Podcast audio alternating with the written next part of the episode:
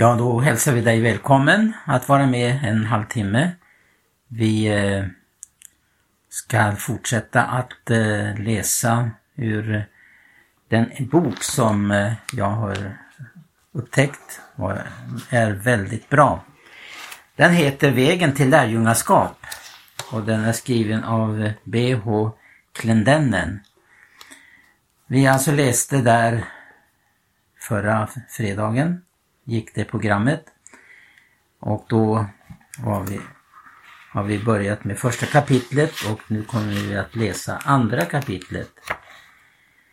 Eh, den osjälviske lärjungen. Som sagt så är den här boken väldigt bra. Jag kan verkligen rekommendera den. Den är tyvärr slut på förlaget. Den trycktes 91 men upplagan är slut. Och det är Gertrud här som ska läsa som vanligt ur den här boken då.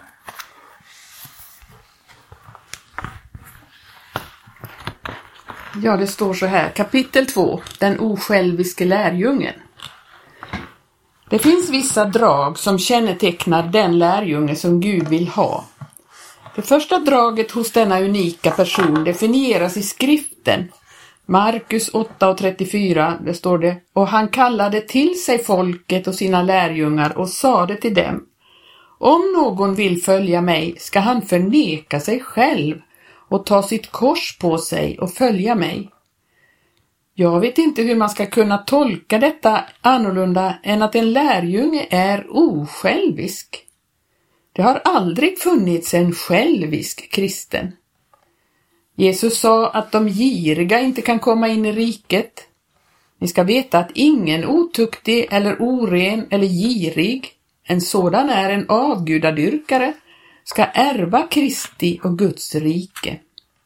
Står det i Efesierbrevet 5 och 5.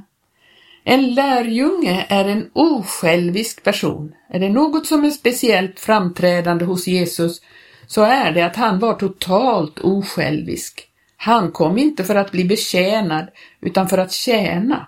Han kom för att ge sitt liv för dig och mig. Han bad inte om något, men han gav allt. När jag blev född på nytt blev jag delaktig av hans gudomliga natur. Därför ska jag ha samma osjälviska sinnelag och ge mig själv och mina resurser till Gud. Allt vi har och allt vi hoppas att få bli tillhör Jesus. När Paulus talar om församlingarna i Makedonien säger han i Andra Korinthierbrevet 8 och 2 Fastän de har varit hårt prövade har deras översvallande glädje och deras djupa fattigdom gjort dem överflödande rika på uppriktig hängivenhet. I vers 5 står det och de gav inte bara det vi hade hoppats utan sig själva gav de, först och främst åt Herren och sedan åt oss efter Guds vilja. Du kommer ingen vart förrän du ger dig själv. De osjälviska lärjungarna i Makedonien var enligt Paulus ett resultat av Guds nåd. Vi vill tala om för er bröder vilken nåd Gud har gett församlingarna i Makedonien. Guds nåd är en verklighet som man kan känna igen. Om vi har tagit del av hans nåd på riktigt så kommer den osjälviskhet som kommer av nåd att prägla vår karaktär. Efter pingsten sålde Herrens lärjungar alla sina ägodelar och lade intäkterna vid apostlarnas fötter. Den här osjälviska attityden utmärkte dem och fick samhället runt omkring dem att förstå att det hade varit med Jesus. Osjälviskhet handlar inte bara om pengar, men dina pengar säger mer om dig än något annat. Vad du gör med de resurser du har berättar mer om din karaktär än det faktum att du har resurser. I Lukas 16 talar Jesus om pengar och fariseerna blir arga på honom. Jesus orsaken till deras vrede var att de hade en girig ande. Varje tanke och handling måste tas till fånga. Om vi vill ha förlåtelse måste vi förlåta. Om vi vill ha vänner måste vi vara vänliga. Om vi vill ha barmhärtighet måste vi visa barmhärtighet. Vi måste tillåta den vilja som var Jesu drivkraft att vara vår drivkraft. Hans attityd var den som beskrivs i Johannes 8 och 28. att jag inte gör något av mig själv utan talar vad Fadern har lärt mig. Min lära är inte min utan hans som har sänt mig. Hela hans liv var totalt underordnat Fadern. Detta är Guds rike. Sök först Guds rike och hans rättfärdighet så ska ni få allt det andra också. Guds rike är när den heliga Ande i dig gör Jesus till Herre över varje förmåga du har. När detta blivit en verklighet kan vi likt Paulus säga och nu lever inte längre jag utan Kristus lever i mig. Och det liv jag nu lever i min kropp, det lever jag i tron på Guds son som har älskat mig och utgivit sig för mig. Vi kan inte leva ett slappt och själviskt liv och förvänta sig att Gud kommer att vara osjälvisk mot oss.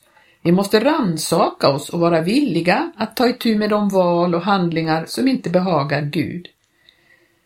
Eh, Hebreerbrevet 5 och 14 påminner oss den fasta födan är till för vuxna, för dem som genom övning har fått sinnet skärpt till att skilja mellan gott och ont. Här talas det inte om att ta avstånd från äktenskapsbrott, dryckenskap och liknande. Sånt visste vi var fel redan innan vi blev födda på nytt. Att skilja mellan gott och ont handlar om att veta skillnaden mellan köttet och anden. Att veta vad som är av Gud och vad som inte är av Gud. Jesus förklarar i Markus 10.18 Ingen är god utom en och det är Gud. När vi ser med den helige Andes ögon kan vi se båda alternativen. Vi är fria att välja och Gud vidtar aldrig någon ny åtgärd innan du har gjort ditt val. När Josef ställdes inför frestelsen med Potifars hustru flydde han. Hans vittnesbörd var Hur skulle jag då kunna göra så mycket ont och synda mot Gud? Första Moseboken 39.9. Josef valde Gud och sprang. Han sprang inte bort från kvinnan utan han sprang bort från Josef, för han visste att om han stannade kvar skulle han synda. Josef valde Gud och Gud gav honom styrka att stå fast.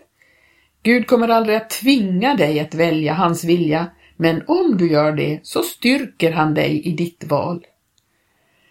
När Daniel gjorde sitt val att be, fast han visste att han skulle bli kastad till lejonen, så stängde Gud lejonens käftar. När de tre hebreiska ungdomarna sa ”Vi böjer oss inte”, så följde Jesus med dem in i elden.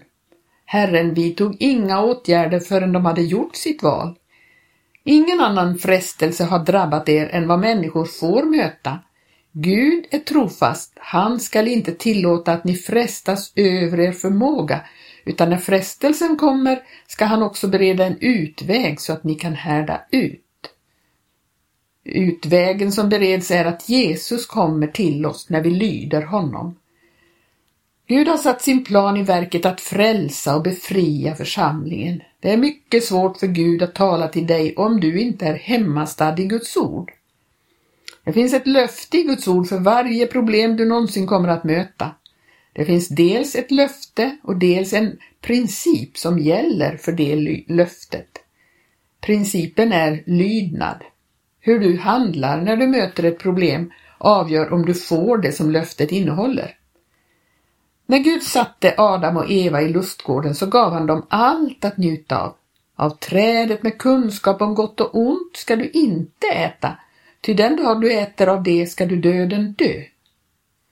Adams relation med Gud var beroende av detta enda bud. När djävulen kom till Eva och lockade henne att vara olydig mot Gud så visste hon inte att Gud stod där och lyssnade på deras samtal. Han fanns där men avbröt inte. Eva visste vad som var rätt, hon hade Guds ord. Nu måste hon göra sitt val utan hans hjälp. Gud kommer inte att tvinga oss att lyda honom, men om vi väljer det rätta så backar han upp oss. Vi styrs för mycket av våra känslor. När vi inget känner drar vi slutsatsen att Gud har lämnat oss. Vi blir arga på Gud eller församlingen och vi börjar tvivla på vår ställning i Gud. Vi börjar försumma att ge tionde eller slutar att gå på gudstjänst, allt medan vi tänker att vi har anledning till detta eftersom Gud har lämnat oss. Allt detta är uttryck för själviskhet. Vårt jag visar sig när vi gör så. Vi handlar alltid som de vi är. Om vi vandrar i anden kommer vi att handla som Jesus. Om vi vandrar i köttet kommer vi att handla som de vi själva är. Själviskhet är djungelns lag. Själviskhetens ande har förvandlat våra gator till djungel. Vilken tragedi det blir när man finner en sådan ande i församlingen. Djungelns lag är självbevarelsedrift. Om ett djur får en unge men blir tillräckligt hungrigt kommer det att äta upp sin avkomma. Bibeln talar om hur vi biter och sliter i varandra i församlingen. Är det något att undra över att den helige ande inte verkar i församlingen när en sådan självisk ande råder? Det är chockerande att det är en så stor procentandel i församlingsmedlemmar vars enda intresse är för församlingen handlar om att få. De kommer aldrig för att ge något. De har inget intresse för Guds ord. De är parasiter, rena konsumenter. När detta tillstånd råder i församlingen den bedrövad och Guds verk stannar av. Den själviska anden drar upp en linje som inte tillåter människor att komma över och bli frälsta och helade. Profeten Jesaja talar om barn som skulle födas men att det inte finns tillräckligt med kraft att föda fram dem. Hur många gånger har du inte sett det? Själar som kommer till våra altaren och söker Gud men går bort utan att ha blivit frälsta. Det fanns inte tillräckligt med kraft i församlingen att föda fram barn. Innan den medicinska vetenskapen kom på att man kunde göra kejsarsnitt var det så att om modern inte kunde föda fram barnet när det var dags att föda så dog både hon och barnet. Samma sak har hänt med församlingen. Den är så försvagad av den ande som bara vill ha och inte ge att den inte har kraft att befria de människor som kommer och söker hjälp. Själviskhet och laglöshet är utbytbara termer och ingen av dem har någon plats i församlingen. Själviskhet är den fallna mänskliga naturen som får sitt uttryck genom det som Bibeln kallar köttet. Antikrist kommer att vara slutsumman av allt som ligger i ordet jag. Därför kommer jaget att vara det vilddjur som kommer att hemsöka och terrorisera män och kvinnor under vedermödan. Den själviska människan är ensam men vet inte om det. Vilket fruktansvärt uppvaknande det blir för den självcentrerade människan den dagen när hennes själ är naken och hennes hjärta inte har någon kontakt med universum runt omkring henne. Då kommer hon att möta ansikte mot ansikte den förfärliga ensamheten hos ett jag som aldrig fick dö och på den dagen inte längre kan dö. Till den som vill rädda sitt liv ska mista det, men den som mister sitt liv för min och evangelisk skull, han skall rädda det. Om du räddar dig själv kommer du att förlora Kristus. Om vi vägrar korsfästa vårt jag nu kommer vi att vakna upp i helvetet med ett jag som vägrat att dö och då inte kan dö. Jaget är personlighetens kärna. Det finns tre beståndsdelar i människans personlighet. Förnuft, känslor och vilja. För det första, den fallna människans förnuft är opolitligt. Det tror att mörker är ljus och att ljus är mörker. För det andra, känslorna är opolitliga.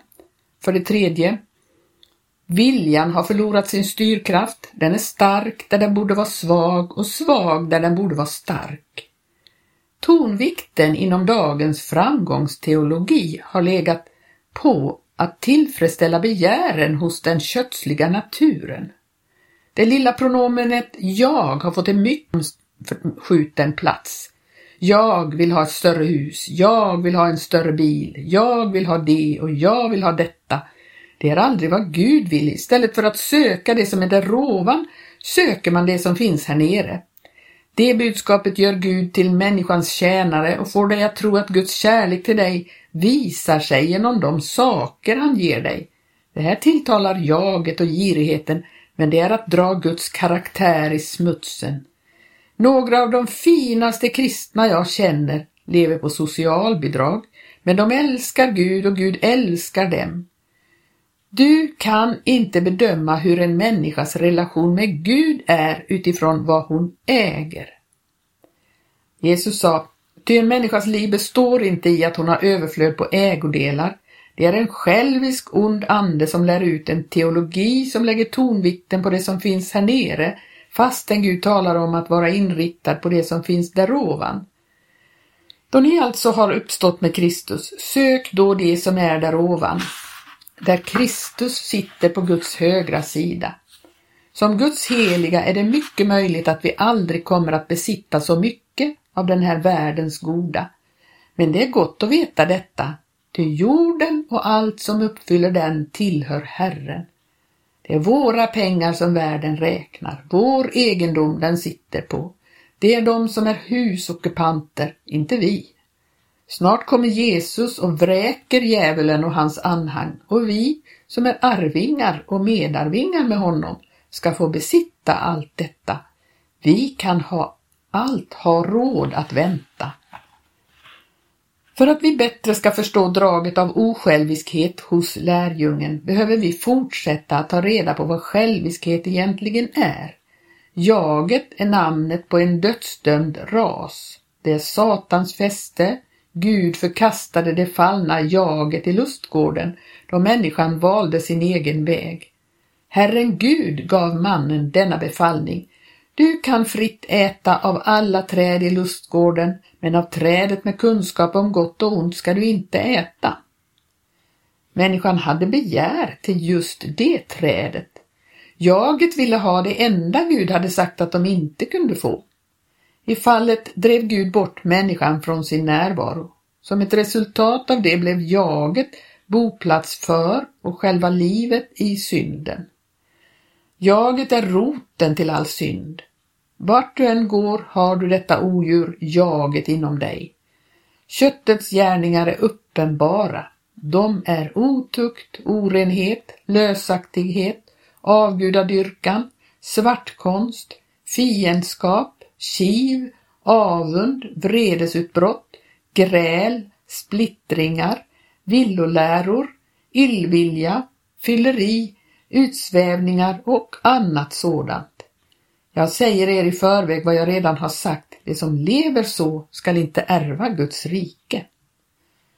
Om du inte korsfäster jaget kommer jaget att korsfästa Kristus. Djävulens verk utförs i jaget.